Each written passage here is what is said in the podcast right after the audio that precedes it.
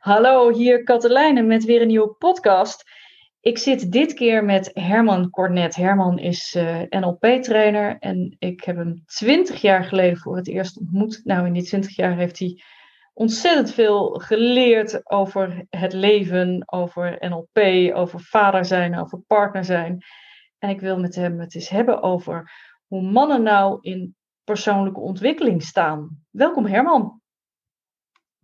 Welke, ja, leuk, Katelijne, dat ik hier mag zijn. Ja, ik uh, zei net al even van tevoren van, joh, dit is de podcast waar ik het minst van weet waar we naartoe gaan. En ineens denk ik, oh ja, ik snap waarom ik dat nu niet helder heb. Ten eerste heb ik volgens mij nog nooit een podcast met een man opgenomen. Ah. En gaan we het ook nog eens hebben over een onderwerp waar ik als vrouw natuurlijk eigenlijk geen zak van weet, namelijk hoe dingen voor mannen zijn. dus ik ga een beetje. Ik, en ik ga je vertellen waarom ik hier gefascineerd over ben. Uh, allereerst zie ik in de maatschappij een soort, soort trend dat, uh, nou ja, trend is ook wat, maar, maar kinderen worden veel door vrouwen opgevoed. Uh, vaak blijft de vrouw wat langer, wat meer thuis. op scholen zijn het de, de, kinderdagverblijf, basisschool zijn vaak meer vrouwen dan mannen. Nou, ik heb twee zoons. Die zoons hebben ook een vader, mijn man. En die zegt heel vaak tegen mij: Ja, Marlijn, mannen doen dat heel anders. Of zo werkt dat niet voor mannen. En dan kijk ik een beetje appelig en ik dacht: Nou, Herman, met 20 jaar ervaring in persoonlijke ontwikkeling, gaan wij het eens hebben over hoe zit dat nou met mannen, emoties, uh, partner zijn, vader zijn, uh, kwetsbaar zijn, willen leren en groeien. Ehm, wanneer ga je als man nou iets doen in je persoonlijke ontwikkeling? Wanneer word je dan een soort halve vrouw en wanneer niet? Dat zijn eigenlijk allemaal vragen die mij al heel lang bezighouden. Dus dit is mijn moment om er allemaal helderheid in te krijgen. In elk geval jouw mening.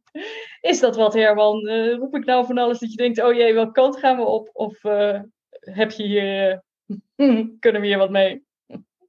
Nou, het is uh, gaaf dat je, dat je dat aansnijdt, uh, Colijn. En natuurlijk, weet je, een van de dingen die een man heel interessant vindt, is een, is een leuke uitdaging. Ik vertel wel vaker de metafoor dat, we als, dat ik als klein manneke met mijn vriendjes slootjes ging springen.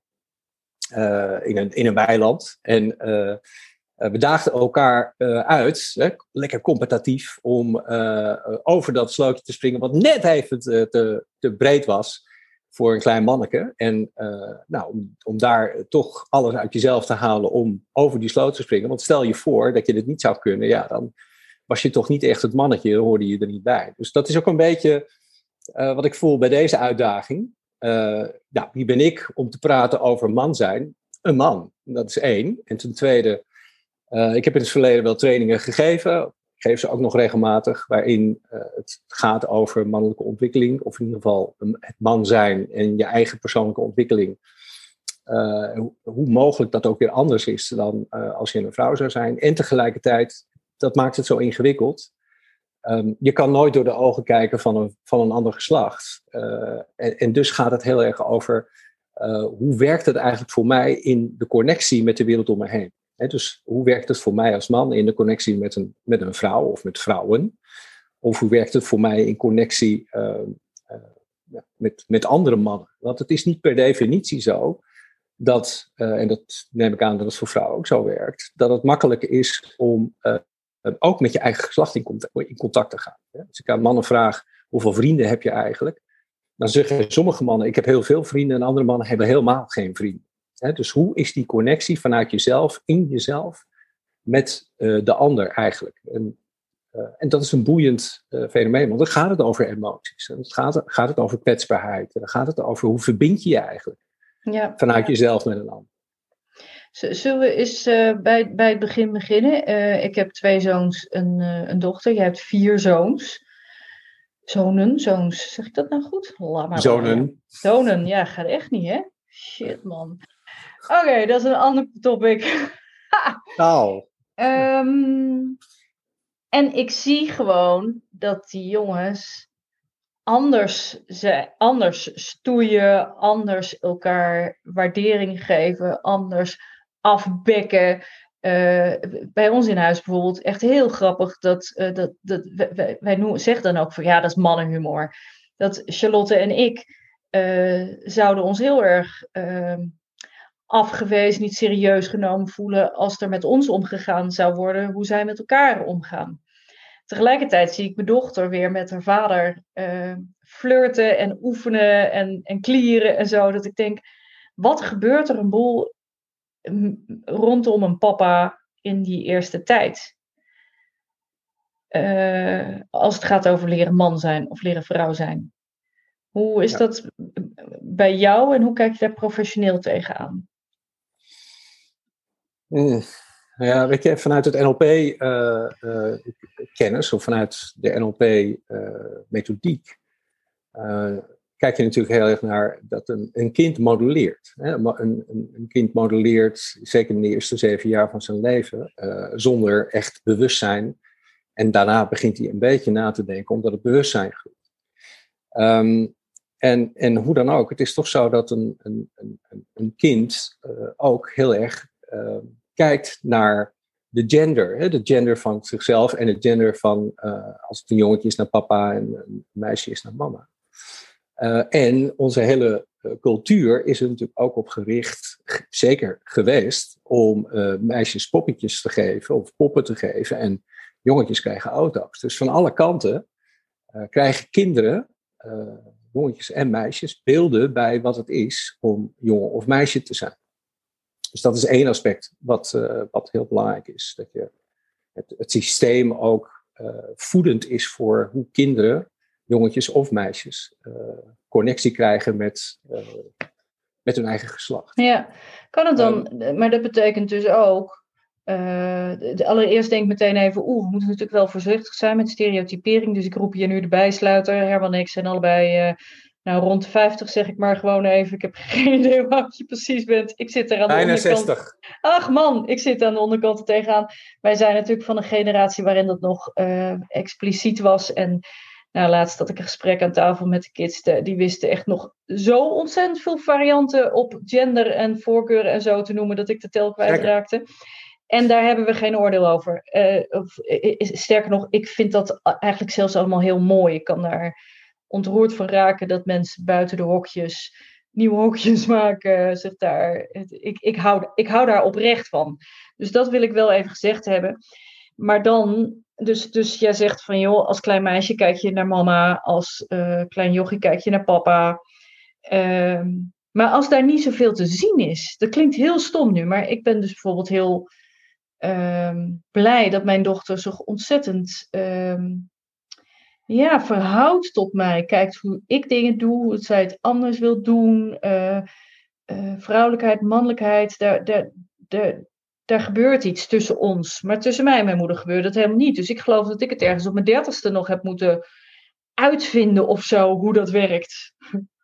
Ja, nou ja, dat, het is wel mooi dat je dat nog even benoemde van uh, moeten oppassen met generaliseren. En dat is natuurlijk ook zo. Dat iedereen, uh, elke vrouw uh, in haar ontwikkeling tot vrouw zijn andere dingen ervaart. En elke man in zijn ontwikkeling tot man zijn ook weer andere dingen ervaart. En vanuit systemisch werk uh, hebben we wel eens, gebruiken we wel eens begrippen als moederszonen en vadersdochters of moedersdochters en, va en vaderszonen.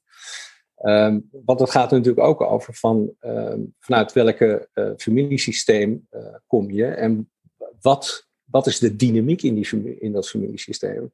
Waardoor je wel of niet je kunt verbinden op het mannelijke of het vrouwelijke. Als ik kijk naar mijn eigen familiesysteem, mijn moeder was uh, de dominante persoonlijkheid in het systeem. En mijn vader was veel afwezig. En dat betekent dat ik heel veel uh, kwaliteiten let, letterlijk heb gemodelleerd van mijn moeder.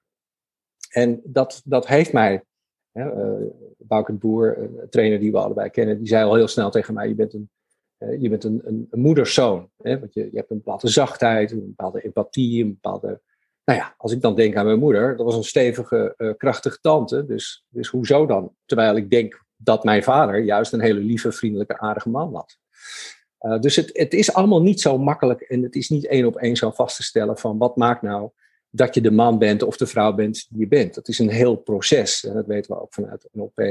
Als we kijken naar de ontwikkeling van mensen. Dus, dus we moeten uitkijken met generaliseren. Maar tegelijkertijd is het wel belangrijk dat je je bewust bent van het feit dat er, ehm, dat er een heel systeem om je heen is, een hele maatschappij, een hele cultuur. Ik heb veel gereisd, ik ben ook in India geweest, ik ben ook in, in Azië, uh, Latijns-Amerika, noem maar op.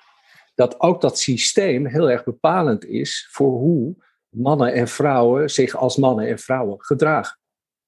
Uh, en dat, dat dat heel bepalend kan zijn voor de groei uh, van, uh, van mensen in hun persoonlijke ontwikkeling. Ik ging even in mijn hoofd naar Italië, waar uh, mannen iets anders uitstralen dan hier. Zeker. En, en, en toch vind ik dat dan weer interessant.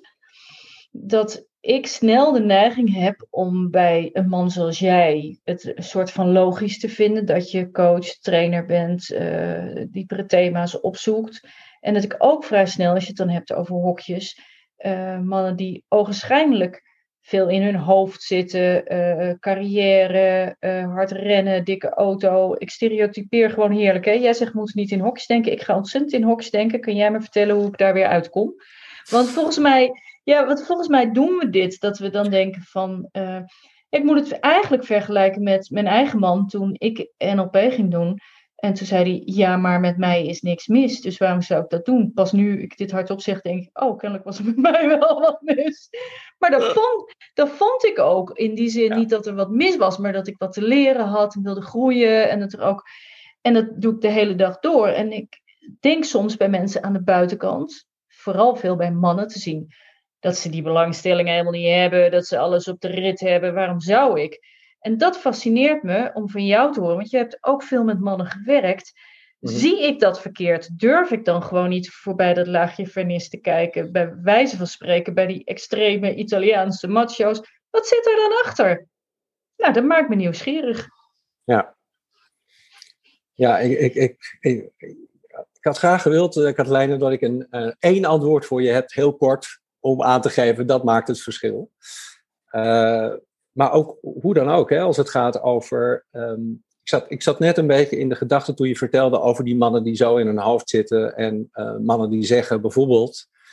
Uh, ja, weet je, persoonlijke ontwikkeling of een training volgen. Ja, wat is er mis aan mij? En ik denk dat. Dan, dat, daar raak je wel een bepaalde snaar. Als je kijkt naar, het is althans mijn ervaring, eh, met NLP-trainingen, maar ook met andere soortige trainingen, dat veel mannen uh, naar zo'n training gaan omdat uh, ze merken dat ze bijvoorbeeld op hun werk, uh, dus in de, in, de, in de performance van de taak die ze hebben of de rol die ze hebben in een organisatie, dat ze daar niet voldoende uit de verf komen. Dat de omgeving aangeeft, ik weet het niet hoor, maar je hebt mogelijk iets te doen om aan je communicatieskills te werken. Of je hebt iets te doen om wat meer empathisch te zijn, om even meer in verbinding te gaan. Uh, want we merken dat, dat als je dat niet doet, dat er allerlei problemen gaan ontstaan. In die rol die je hebt als leider of als manager. En dat mannen over het algemeen geneigd zijn om functioneel uh, een, een, een, training te gaan volgen. in die zin van ik leer nu iets, een vaardigheid, om mijn werk beter te kunnen doen. Daar waar ik merk dat vrouwen op een andere manier in een training stappen. Die veel meer. Uh, uh, ik, ik, ik, soms heb ik het gevoel dat, uh, even ter vergelijk als metafoor, als, een vrouw zich opmaakt, eh, een soort zelfzorg creëert van, nou, ik wil er goed uitzien, ik wil me lekker in mijn vel voelen, nou, et cetera.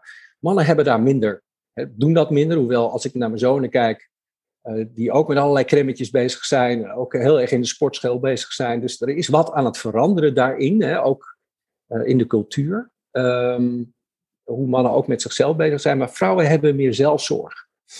Um, is mijn ervaring. Dus met andere woorden, uh, zien persoonlijke ontwikkeling ook iets, als iets wat, wat goed voor henzelf is. Zonder dat dat een specifiek doel heeft. Hè? Dus een doel in de zin van ik moet beter functioneren in die en die rol. Uh, en mannen hebben dat veel meer. Die kiezen veel meer op die manier voor persoonlijke ontwikkeling. En dan ontdekken ze, terwijl ze een training volgen of een opleiding volgen of whatever, uh, ontdekken ze dat er meer aan hen zelf is dan alleen maar het leren van een vaardigheid in de context van, van werk. Ik vind het heel interessant wat je zegt. Ik vind het ook heel grappig, want um, ik denk ineens, nou weer, eh, ik als vrouw leef samen met een man. Ik heb mij nooit gerealiseerd wat jij nu zegt, van dat eh, jouw ervaring herken ik wel, dat ik veel meer aan zelfzorg doe. Maar dat zie ik dan niet als iets positiefs. Ik vergelijk me dan met mijn man. En denk, jemig, hoeveel tijd heb ik nodig om lekker in mijn vel te zitten? Wat een, wat een gedoe. Ik wou dat ik zo simpel was. Dat ik gewoon de klerenkast kon pakken. Hup, de boel aan. Ben ik niet geschoren. Uh, vind ik het ook niet erg. Weet je, er hoeft bij mij maar een, een, een, een kriebeltje verkeerd te zitten. En ik heb yoga en sauna en goede gesprekken. Ik heb van alles nodig. En dan zie ik mijn man, die kan onder. Ik zeg wel eens, joh, die kan op een, eh, met, met stenen onder zijn rug slapen, de hele week McDonald's eten. En uh, dat er een kind over zijn buik hangt. En dan nog kan die zijn hum zijn. Ja. Maar dat is misschien dus een vals vergelijk. Kennelijk, uh, als je biologisch ook weer kijkt. Je begon met het metafoor van het slootje springen. Uh, dus een man is biologisch bezien, die, die moet op jacht, die moet het vlees binnenhalen.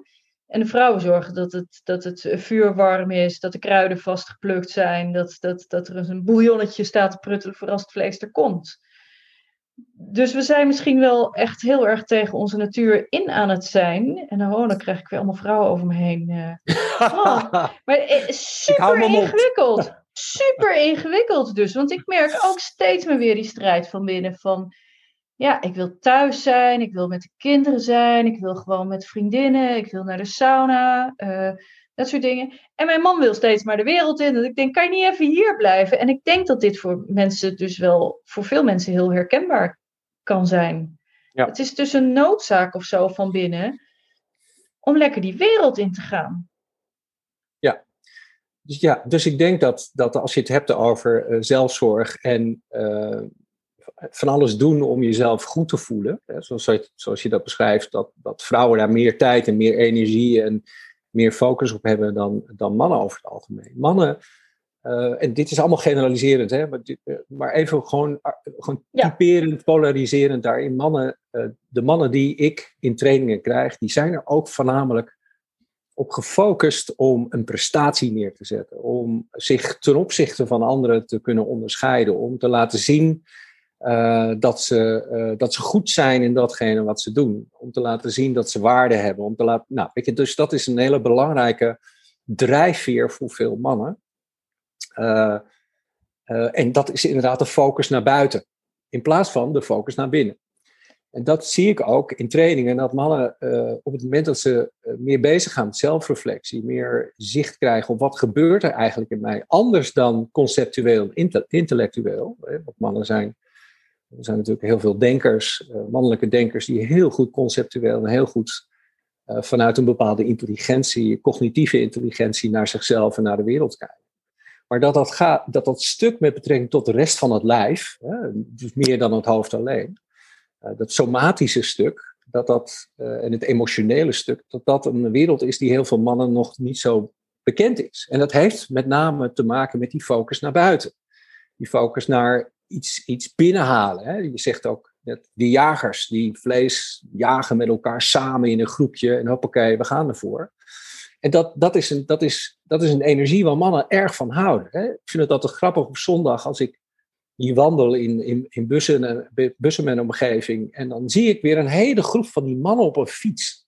Die dan met z'n allen, huppakee, gaan we kilometers fietsen. En terwijl ze die kilometers fietsen, als groepje, uh, zijn ze met elkaar in gesprek over dingen die, die hen bezighouden. Hè? Op hun werk of in hun relatie of whatever.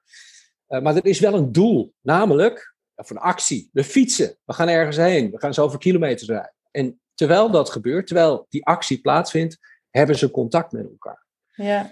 Um, en dat, dat werkt bij vrouwen anders, heb ik de indruk. Ik zie nooit hele groepen vrouwen voorbij komen op een fiets op zondag. Uh, en natuurlijk zijn er natuurlijk ook vrouwen die fietsen, maar niet uh, masse nee. in, in nee. van, die, van die hele groepen. Maar ik zie wel groepen vrouwen de stad in gaan, bijvoorbeeld om met elkaar te winkelen of uh, bijvoorbeeld om met elkaar gezellig een, een, iets met, met weet ik veel, een tea time. Zie je, dat is leuk. Hij weet de ja. voorbeelden niet eens, want hij is, daar zit jij niet. Ik denk dan, ja, we gaan lekker naar de sauna bij kletsen en uh, ja, bijvoorbeeld. of wijntjes drinken of uh, dat soort dingen. Ja, ja, ja, interessant. Ja. ja. Dus bij jullie gaat het veel meer over de verbinding en de relatie. En misschien kunnen we straks al over vrouwelijk en mannelijk leiderschap hebben.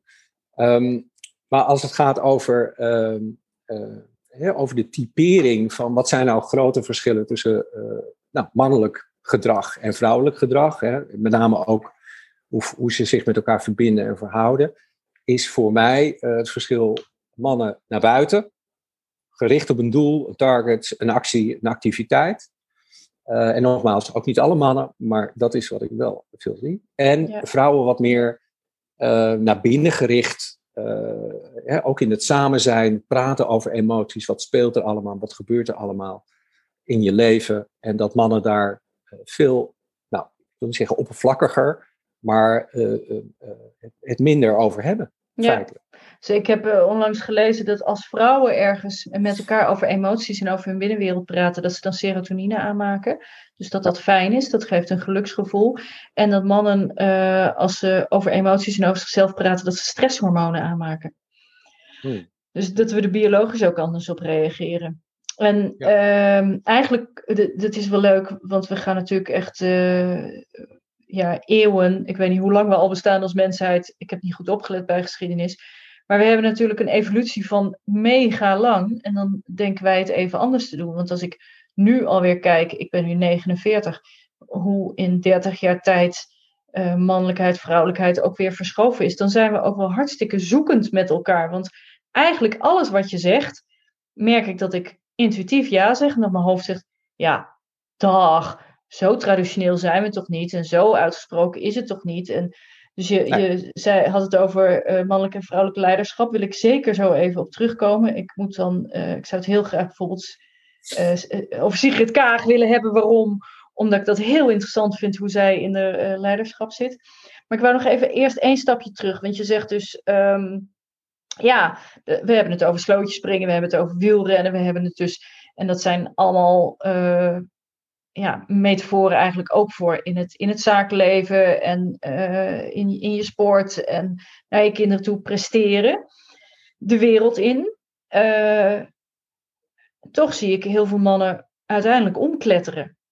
Omdat het te veel de wereld in is. Alsof je op een gegeven moment gewoon een motor hebt die op valse lucht rijdt. Het is van binnen wel op. Dus, dus er moet binnen ook wel iets zijn dat dat vuurtje niet steeds opgestoken wordt, maar dat er ook hout bij komt, zeg maar. Is dat dan waar je zegt, want eigenlijk zei je, mannen gaan vaak persoonlijke ontwikkeling doen omdat ze dan ja, feedback krijgen van ja, je moet dus iets doen in empathie of in leiderschap of in commitment creëren om je heen of focus. Of, dus dan is het doelgericht. Maar ik kan me voorstellen dat het dus ook langskomt van ja, het, het, het vuurtje is gewoon bijna op, omdat je zoveel doelgericht bezig bent geweest. Herken je daar wat in? Nou ja, ik denk dat dat, dat, dat probleem van, uh, als we het dan hebben over dingen als burn-outs uh, en uh, mensen die over hun eigen grenzen gaan als het gaat om maar gaan en gaan en gaan. Dat zie ik zowel bij vrouwen als bij mannen.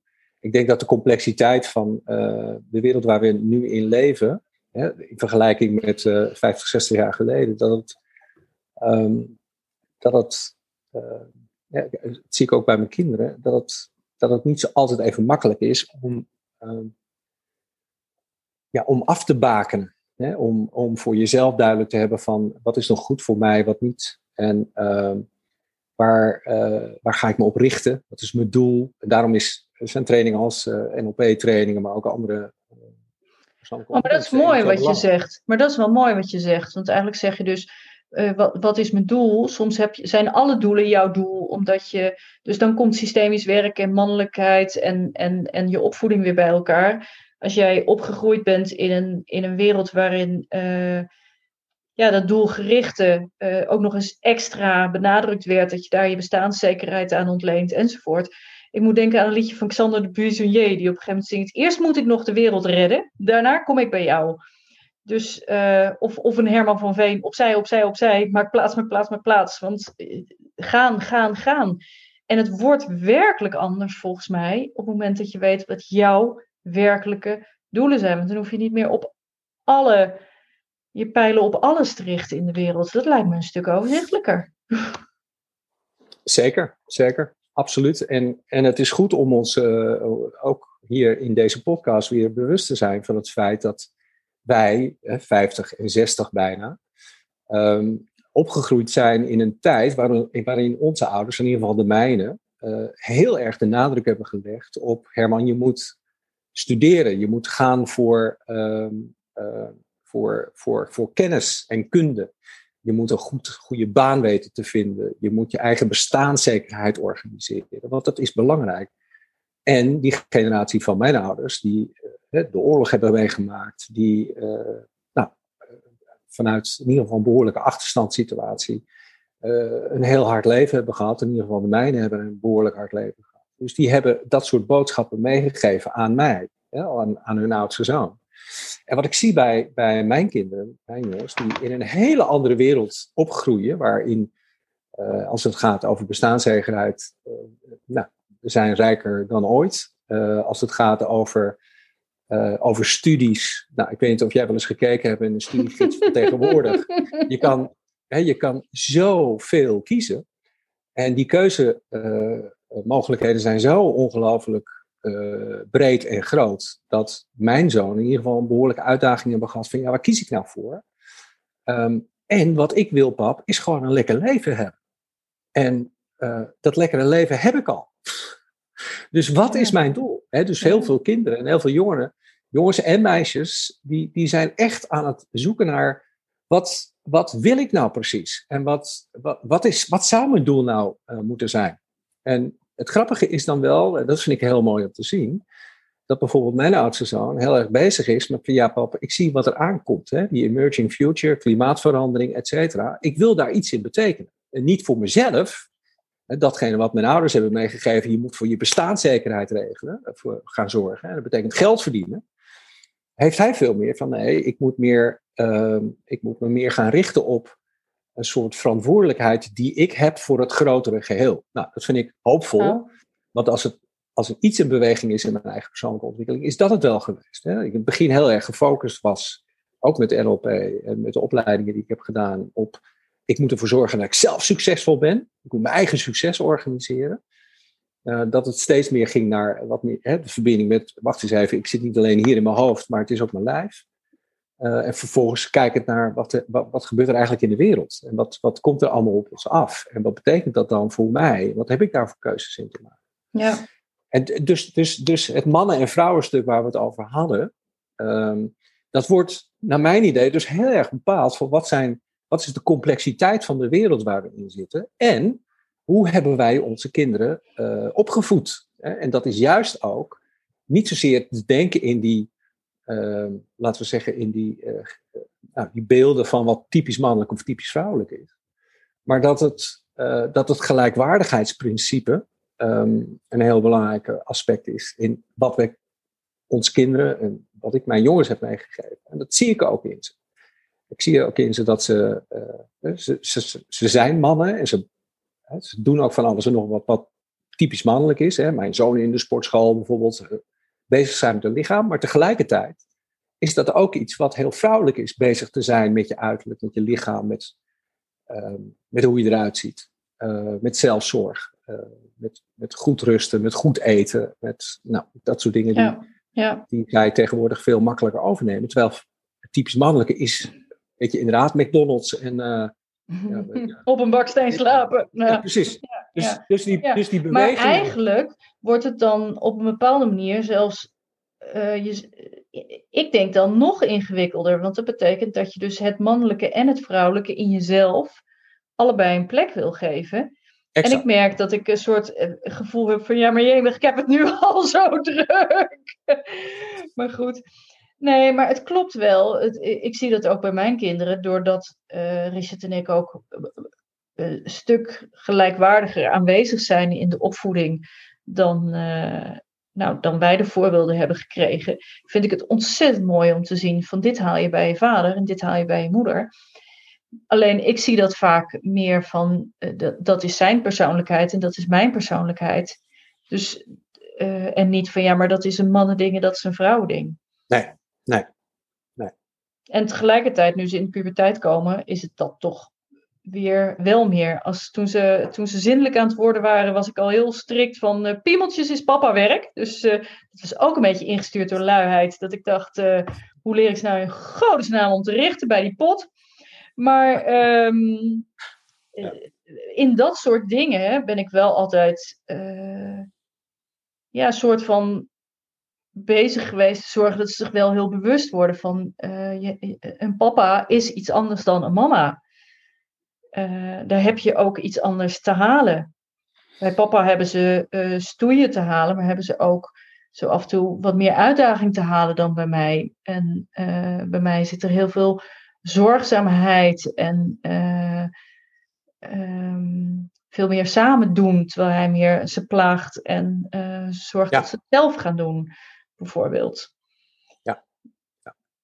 ja ik nou, vind het wel mooi. Ik vind het wel mooi. Ja, en, en het feit dat je dat, eh, dat, je dat benoemt, hè, een typisch karakteristiek van jou is dat je meer zorgzaam bent, dat je dat persoonlijkheid noemt en dat dat bij jouw partner anders is. Dat is, uh, weet je, dat is ook een mooie manier om daar zo naar te kijken. Dat hoeft niet typisch mannelijk en vrouwelijk te zijn. En tegelijkertijd kun je ook zeggen, zeggen dat dat, uh, als je dan kijkt in archetypisch gedrag, dat dat het ene wat meer vrouwelijk is en het andere meer mannelijk. En dat is prima, weet je. En, en soms kan dat ook uh, andersom zijn. Uh, ik ken ook vrouwen die heel erg stoeien met hun, met hun zonen. Die dat aangeleerd hebben om dat te doen. omdat ze dat mogelijk met hun vader hebben gedaan. Dus het is, het is niet zo gemakkelijk om die twee uit elkaar te trekken. En het kan wel behulpzaam zijn om bepaalde problematiek die er soms aanwezig is. Hè? Als je het ja, over, precies. over hoe, hoe, zonen vaders nodig hebben. Hè, om om ook verbinding te kunnen maken met de mannelijke essentie noem ik dat wel eens. Uh, of de mannelijke, uh, de mannelijke mind. Hè? Dus, dus, dus wat is het? Hoe is het om man te zijn? Hè? Hoe is het om man te zijn in een, in een competitieve omgeving, op werk bijvoorbeeld? Of hoe is het man te zijn in het contact en de relatie met je, met je partner? Hoe is het om man te zijn in, in, in termen van intimiteit en seksualiteit? Ja, um, even een uitstapje als je kijkt naar de hoeveelheid porno die tegenwoordig op, op die heel makkelijk toegankelijk is op, uh, op het internet. Ja, als je dat niet beelden bekijkt van hoe mannen en vrouwen zich daarin verhouden, dat, nou, dat kan nogal wat invloed hebben op hoe jonge mannen denken dat, uh, dat het mannelijke en het vrouwelijke in seksualiteit uh, zich uiten, hè, of uiting moeten geven. Dus, ja. dus de, de, de hoeveelheid informatie uh, en, het, en het gesprek daarover en het contact daarover met je eigen kinderen, als man met een zoon, en als vrouw met een dochter, uh, als het gaat over die typische specifieke vrouwelijke of mannelijke dimensies in het leven. Dat is heel erg belangrijk. En als een man dan niet aanwezig is, op welke manier dan ook, ofwel mentaal afwezig is in het contact, of, ofwel gewoon fysiek niet aanwezig is, dat zie je met de hoeveelheid scheidingen toch enorm toenemen. Ja, dat, dat, betekent dat zo'n zo'n zo'n jonge vent zoekende is naar zijn eigen man zijn. Nou, ja. Wat is het eigenlijk om dat te zijn in deze uh, complexe wereld? Uh, en ik, ik, uh, ik, ont, ik, ontmoet vaak mannen die uh, afwezig vaders hebben. Ja, er is zo'n mooi boek ooit geschreven door een Franse psycholoog en dat heet Afwezige vaders, verloren zonen. Nou, dat geldt natuurlijk eigenlijk ook voor moeders, hè? afwezige moeders, verloren dochters. Um, en dat zijn natuurlijk wel heel scherp neergezette titels. Maar het is wel zo dat, dat de afwezigheid van een ouder, uh, mannelijk of vrouwelijk, in het contact met het, nou, het meisje of het jongetje, uh, dat dat effect heeft op de ontwikkeling uh, van man zijn of vrouw zijn. Ja, ik vind het wel mooi, want je begon dit uh, stuk, toen sloeg ik ineens aan, dacht, oh ja, waar zijn we nou naar op zoek? Ik ben helemaal niet op zoek naar uh, dit is mannelijk, dit is vrouwelijk en zo moet wezen. Maar eigenlijk weer terug naar de WWW, wat werkt wel? Dus ja. um, soms werkt het gewoon niet om je te veel in dat uh, doelgericht, taakgericht, prestatiegerichte stuk. En of, dat, of je nou man of vrouw bent, dan is het tijd om te kijken van wat is mijn sturing dat ik zo knijterhard moet werken? Of zoals bij mij merk ik dat ik toch uh, steeds meer gevoel van ja, dat is wel leuk dat ik zo mijn primaire aandacht bij het gezin heb liggen. Maar ik ben echt het, het dat, dat doelgerichte, prestatiegerichte stuk in mezelf een beetje kwijt. En dan mag, kan ik zeggen, ja, dat is het mannelijke stuk. Maar dat, is, dat hoeft dus niet eens. Het gaat meer om op het moment dat je het idee hebt dat iets niet voor je werkt dan is het tijd om daar eens naar te kijken. En, uh, en soms helpen stereotyperingen ontzettend om bij jezelf te ontdekken van, oh ja, dat is misschien wel extreem, maar er zit wel iets in wat ik mis. Of ja, dat is misschien wel extreem, maar dat is wel iets waar ik me heel lekker bij voel. Dus ja, um, ja. dit is wel grappig. Net wil jij iets vertellen over hoe vrouwen dan samen in groepjes. En ik gaf wat voorbeelden. En ik merkte meteen dat ik, toen ik het had over sauna en wijntjes. En uh, ik ben helemaal niet van de wijntjes, maar het is ook weer een, een, een metafoor. Maar dat ik ook gewoon helemaal lekker werd in mijn lijf. Dus alleen al de gedachte van, oh ja, dat heeft dus een functie. Ja. hey, um, maar je zei, ja, we kunnen het ook hebben over mannelijk en vrouwelijk leiderschap. Daar sloeg ik wel op aan. Mm -hmm. want dat is natuurlijk ook heel erg een ding nu. Uh, er moeten meer vrouwen op hogere functies. Uh, vrouwen zouden anders leiding geven. Nou, ik heb zelf heel lang geleden een managementfunctie gehad was ik 26 of zo. En uh, dat is wel grappig, want mijn baas was, was, stond denk ik veel in het mannelijk leiderschap. En ik was meer, denk ik, een ander stuk. En dat werd niet gewaardeerd. Veel minder met uh, alles onderbouwen met schema's en structuren en vaste afspraken. En gewoon mensencontact, vertrouwen. hoe, jij geeft daar trainingen over, over, over leiderschap. Vertel eens, wat, uh, wat heb je daarvoor leuks over te zeggen over mannelijk en vrouwelijk leiderschap? Nou ja, kijk, eh, eh, het is grappig, want het, het, het, het, thema of de terminologie die gebruikt wordt, mannelijk en vrouwelijk leiderschap, veronderstelt dat er twee soorten leiderschappen bestaan. De een heeft te maken met mannelijke kwaliteiten van leiderschap en andere met vrouwelijke kwaliteiten van leiderschap. Maar ik, ehm, ik zie dat, ik zie dat niet zo. In, die zin dat ik denk, er is, één, er is leiderschap en uh, er zijn kwaliteiten aan het leiderschap die mogelijk wat meer verbonden zijn aan wat we als mannelijk beschouwen. En er zijn kwaliteiten in leiderschap die uh, meer met het vrouwelijke mogelijk in verbinding staan. En, en, en weet je, we hebben het steeds over mannelijkheid en vrouwelijkheid, maar in ieder mens zitten natuurlijk die twee elementen. En dat is ook zo in leiderschap. Maar wat mij opvalt, in, als het gaat over leiderschap. Um, kijk, ik heb een HR-achtergrond, dus ik heb ooit een studie gemaakt of studie gedaan naar de ontwikkeling van management en leiderschap in organisaties. En um, uh, het is ooit begonnen met scientific management. Hè? Dus met andere woorden, datgene wat jij net beschrijft over, over, over staten, targets en structuren en schema's en noem maar op. Dat is een bepaalde manier, een hele rationele manier van hoe, hoe besturen we organisaties. En uh, mensen waren daar gewoon een productiefactor in. Dus, dus eigenlijk, dat was de kritiek ook op die, op die hele management manier van doen, was dat dehumanization. Dus het menselijke element bestond niet meer. En als er, als er iets is wat ik, wat in het mannelijke leiderschap zit, daar, daar zit het idee achter, ergens de premisse achter is, het gaat niet over jouw welzijn, het gaat over het doel. Het gaat over het resultaat. Hè, te vergelijken met waar jij net even aan refereerde, als een groep mannen die op pad gaat om uiteindelijk ergens een dier uh, neer te schieten. Uh, het gaat niet over die mannen zelf, maar het gaat over dat het resultaat bereikt moet worden ten koste van alles. Dus met andere woorden, eh, zelfs als het de dood oplevert, hè, het is niet voor niks dat mannen vooral in oorlogen bezig zijn, uh, als dat betekent dat je jezelf moet opofferen voor nou, het bereiken van het resultaat, het zij zo. Dus in die zin zou je kunnen zeggen dat bijvoorbeeld een land als Japan een hele mannelijk, mannelijke, typische mannelijke leiderschapsvorm heeft in de maatschappij. Iedereen werkt zich helemaal kapot om uiteindelijk uh, het doel te bereiken van het, dat het grotere geheel kan floreren. Ik denk dat vrouwen, vrouwelijk leiderschap daar anders in steekt. Um, even als voorbeeld, uh, de financiële crisis in, uh, wanneer was het, achter, 2008, dat die banken allemaal opvielen. Um, in Amerika en dan vervolgens ook in Nederland en ja, over de hele wereld een, een crisis ontstond, de financiële crisis, bankencrisis ontstond. Dat ging met name over hele complexe financiële producten die niemand meer snapte. En um, uh, het ging met name over geld verdienen. Dus het doel geld, geld, geld, geld, geld. Uh, winst, winst, winst, winst, winst. En eigenlijk nooit stilgestaan, maar wat voor consequenties heeft dit nou eigenlijk voor al die mensen die zo'n product afnemen? Of wat voor consequenties zou het kunnen hebben als het de verkeerde kant op gaat? Of welke consequenties zou het kunnen hebben als, wat betekent dit eigenlijk voor het, het hele systeem, het hele ecosysteem? Nou, als ik denk aan vrouwelijk leiderschap, dan, en dat merk ik ook in gezinnen, dat vrouwen veel meer bezig zijn om het gezin en uh, zeg maar datgene wat, uh, wat, wat uh, in dat systeem nodig is, die zorg daarvoor, dat dat veel meer een vrouwelijke kwaliteit is dan een mannelijke kwaliteit.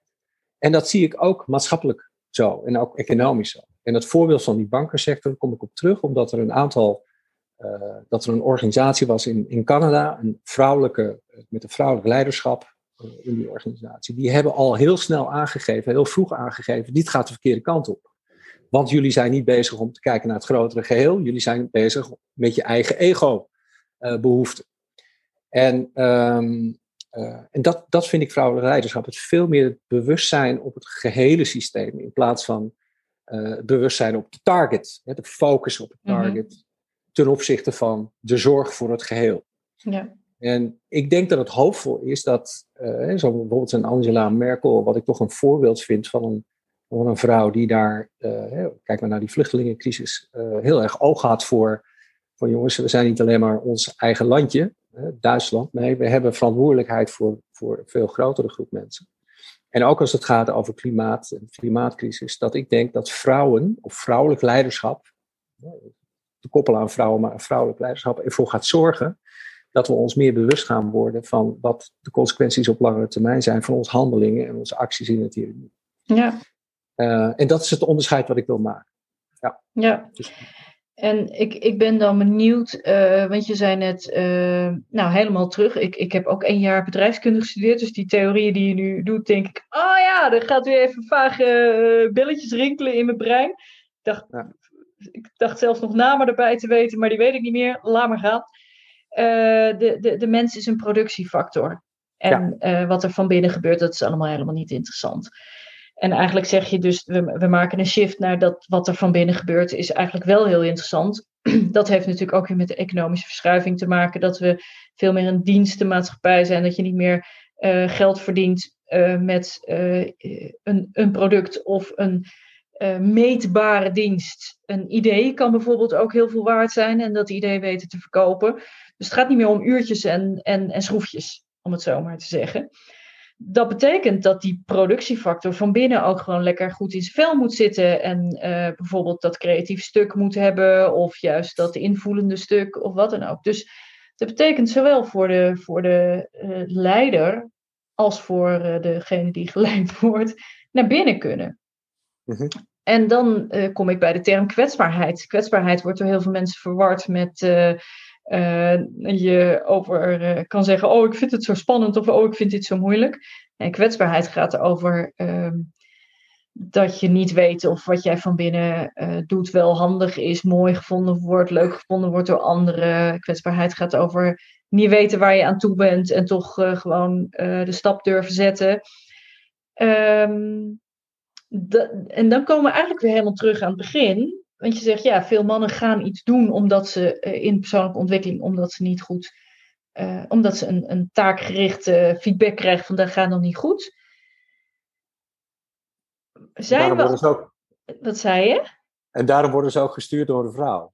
En daarom, ja, want zijn we ook op het punt dat het uh, natuurlijk is om. Ik, uh, ik maak even een klein zijstapje. Ik vond het heel leuk. Bram Bakker is een, uh, een Nederlandse vrij bekende psychiater. Ik ken hem ook persoonlijk. En die zette op een gegeven moment op Facebook van: joh, ik heb jarenlang met mensen gewerkt vanuit gedachte: ik als therapeut doe er niet toe. ik moet mezelf uitzetten, ik moet mezelf, mijn emoties, ik mag me niet laten raken. Uh, want dat is uh, niet functioneel voor de ander. Hij zegt, en dat geloof ik gewoon niet meer. Dus hij is, was voor hem een soort ontdekking van, ja, maar mijn emoties, mijn reacties op het verhaal van de ander, mijn mee verdrietig zijn, mijn mee boos zijn, mijn, dat doet ertoe. En toen dacht ik wel, jemig, moet daar 2021 voor zijn geweest? Zijn er nog zoveel mensen die niet doorhebben dat wat jij voelt van binnen, door dat te delen, dat dat fijn is voor de ander, dat daarmee er ontspanning komt? Nog sterker, uh, op het moment dat jij iets voelt in het contact met de ander, en zeker als therapeut, of zeker als coach, of zeker als trainer, dan is het mogelijk zelfs informatie uh, die heel belangrijk zou kunnen zijn in, in de connectie met die persoon. Want hoe kan je resoneren op een ander als je niet ook hè, open staat voor datgene wat er in je eigen lijf te ervaren is? Want ik zie, ik zie mezelf uh, als een soort instrument daarin. Hè? Dus die fijnbesnaardheid van onze, van, van, van onze ervaring. En daarom is het zo belangrijk om, om, om ook in connectie te zijn. Wat ik in het begin zei, van, in het begin zat ik heel erg in mijn hoofd. En zo langzamerhand heb ik leren ontdekken wat er allemaal daaronder zit. Uh, en om die, die fijnbesnaardheid van de, van de informatie en datgene wat in je eigen lijf gebeurt, kan heel erg belangrijk zijn in, in het contact, juist ook met de ander. Want als je in het contact met de ander zelf een soort kramp voelt in je, in je maag, of een, of een soort eh, een gevoel van, van ja, misschien wel onrust, ik noem het maar. Dat kan heel erg uh, resoneren op datgene wat de ander voelt. Hè? Als, je, als ik dan zeg van ik voel, ik voel een stuk onrust, herken je dat? Ja, dat herken ik wel. Ja, nou, weet je, dus is die onrust dan voor mij? Of is het in de verbinding tussen mij en de ander dat die onrust ook in mij ontstaat? Dus je bent ook een instrument in het contact met de ander. Dus, eh, dus het is essentieel uh, niet alleen vanuit het coach zijn of het trainer zijn of, of therapeut zijn, dat je uh, het niet uitzet, maar juist aanzet. Maar wel dat je je bewust bent van, wacht eens even, is dit, is dit alleen voor mij? Of is dit wat er gebeurt tussen jou en mij? Ja. Dus is er een energie die resoneert? Dat is trouwens wel interessant, want uh, jij als luisteraar kan het natuurlijk niet zien. Maar op het moment dat Herman ging praten over hoe, hoe waardevol eigenlijk je, je interne radar in je lijf is in het contact met de ander. Werd hij zoveel zachter en ging hij zoveel meer stralen. En dus dat is, dat is echt heel gaaf om te merken wat er dus eigenlijk gebeurt als mensen uh, meer in contact zijn met. En, en misschien is dat er ook wel de grote verandering, want je hebt het over de werking van spiegelneuronen. Uh, als we in leiderschap niet alleen, uh, nou wat je zei, die man die te horen krijgt, je moet wat meer dit en je moet wat meer dat, want dan functioneer je beter. De magie, de kracht van als je meer in connectie bent van alles wat er uh, onder je kin zit, zeg maar. Dus niet alleen het analyseren, modellen, uh, praten enzovoort, maar met het stuk eronder. Dat je er echt een enorme gereedschapskoffer bij krijgt om die doelen te bereiken. Om verder te komen in je leven en in je missie. En ook zeker dus in je werk. Zeker. Zeker. En daar zijn we ook weer een beetje rond, uh, met betrekking tot uh, hoe mannen hè, met de emoties omgaan. Of hoe zij verbinding hebben, of connectie hebben, of in staat zijn om te delen wat er in zichzelf speelt. Um, en dat je, dat je inderdaad wel eens van vrouwen hoort van, nou, kom nou, zeg eens wat, wat voel je dan precies? ja, geen uh, idee. geen idee. En er is natuurlijk zo'n heel leuk filmpje op, uh, op internet over de, uh, de female en de, en de male brain. En dat met de nothing box, et cetera. Het is op zich wel leuk dat, dat ook om te weten dat het gewoon in ons brein ook anders gewired is. Um, maar anderzijds is het, is het wel zo dat ik merk dat heel veel mannen en, en, dat maakt ook dat de relaties zo, zo complex zijn uh, tussen mannen en vrouwen in deze tijd blijkbaar gezien de hoeveelheid scheidingen die er, die er, om me heen ook plaatsvinden. En ik mag ook in de spiegel kijken, want ik ben zelf ook gescheiden een aantal jaren geleden. Uh, dat, dat de complexiteit van, um, uh, van, van verbinden in deze tijd en, en juist ook omdat, ehm, goed, nu gaan we een hele andere kant op als het gaat over relaties. dat, dat hè, vroeger de, de relatie tussen man en vrouw, het contract en het huwelijk ook daadwerkelijk een soort contract was. En natuurlijk was er ook liefde. Maar nu, eh, in deze tijden, is dat, is dat hele idee van een contract niet meer aanwezig. Omdat vrouwen natuurlijk ook veel meer zelfvoorzienend zijn en niet meer afhankelijk zijn van mannen. En dat veel meer gelijkwaardigheid aan de orde is. Dus dat het nu in deze tijd essentieel is dat mannen en vrouwen kunnen praten over een diepere laag dan alleen maar wie doet er de boodschappen. En dat, dat ze veel meer gaan zien wat de dynamieken in hun relatie zijn, die ervoor zorgen dat, dat er afstand ontstaat of dat de ene dicht gaat voor de ander. Hmm. Uh, dus dat mannen, uh, en dat merk ik ook in het, connect, in het contact met hen, ook echt uh, een soort onmacht voelen van fuck man, wat gebeurt er nu? Ik, ik, krijg het niet voor elkaar, ik weet niet hoe ik dit moet doen, ik, ik verlies controle, ik verlies de, de, de macht over de situatie. En ik, ja, ze verwacht iets van mij wat ik niet kan. Wat, ja, wat ik niet snap misschien. Wat ik niet snap, of wat onbekend is. Ja. En, en, en, ik, ik wil het wel, maar ik kan het niet. Ja. hoe doe ik dat dan? Nou, en, eh, en dan zie je dat, uh, dat de beweging van mannen dan, om vervolgens meer te gaan doen aan persoonlijke ontwikkeling en, nou, uh, NLP systemisch werken, een mannentraining volgen, het maakt niet uit welke, welke ingang je kiest, maar dat dan op dat moment, in plaats van hè, het idee van, ja, ik heb dit nodig voor mijn werk, maar dat ze echt de verbinding willen maken, omdat ze voelen dat, dat er iets niet open staat in ze, of niet iets open kan in zich. Uh, wat, eh, wat wel open heeft te staan in de, in de connectie met, uh, met hun partner. Of met hun kinderen. Ja, wauw. Ik hoop ontzettend dat, uh, dat je tot het einde bent gebleven als luisteraar. Want ik ben wel ontroerd door wat Herman nu zegt. De, de diepgang van... en ik denk dan even terug aan dat ik Herman twintig jaar geleden voor het eerst tegenkwam. En ik weet niet of jij het je nog kan herinneren, maar uh, ik was dus uh, nou, net 30 of zo. En uh, ik had een grote waffel en ik functioneerde van mijn haarwortels tot mijn kin. En alles wat eronder zat, vond ik ingewikkeld, lastig, had ik niks mee. En kwam zo af en toe dan even als een soort vulkaanuitbarsting, waren er heel veel emoties. Dus dit gesprek was ook wel heel leuk om weer te denken van jeetje, wat heb ik in 20 jaar veel ook geleerd over de connectie te maken met, uh, met alles wat onder de kin zit. Met alles wat er in je lijf gebeurt, wat je voelt. En uh, wat ben ik, uh, wat, wat draagt dat bij aan moeder zijn, partner zijn, maar ook aan mijn vak. En dat vind ik heel gaaf. En ik ben ervan overtuigd dat dit de eerste, maar zeker niet de laatste podcast is die ik met je opneem. Want er zitten allerlei potentiële zijstapjes in. En ik denk, oh, daar wil ik ook nog wel wat meer mee. Maar met het oog op de klok, uh, dankjewel Herman. Ik vond het heel leuk. Ik hoop dat het anderen ook geïnspireerd heeft. Uh, mij heeft het uh, dingen duidelijk gemaakt. En ook weer allemaal nieuwe vragen opgeroepen. Dus ik zeg tot een volgende podcast. En jij, dankjewel. Dankjewel Katlijn. Het was ontzettend leuk om dit te doen. Ja, hè? And time flies. Ja, ik zet hem uit. Dag lieve mensen.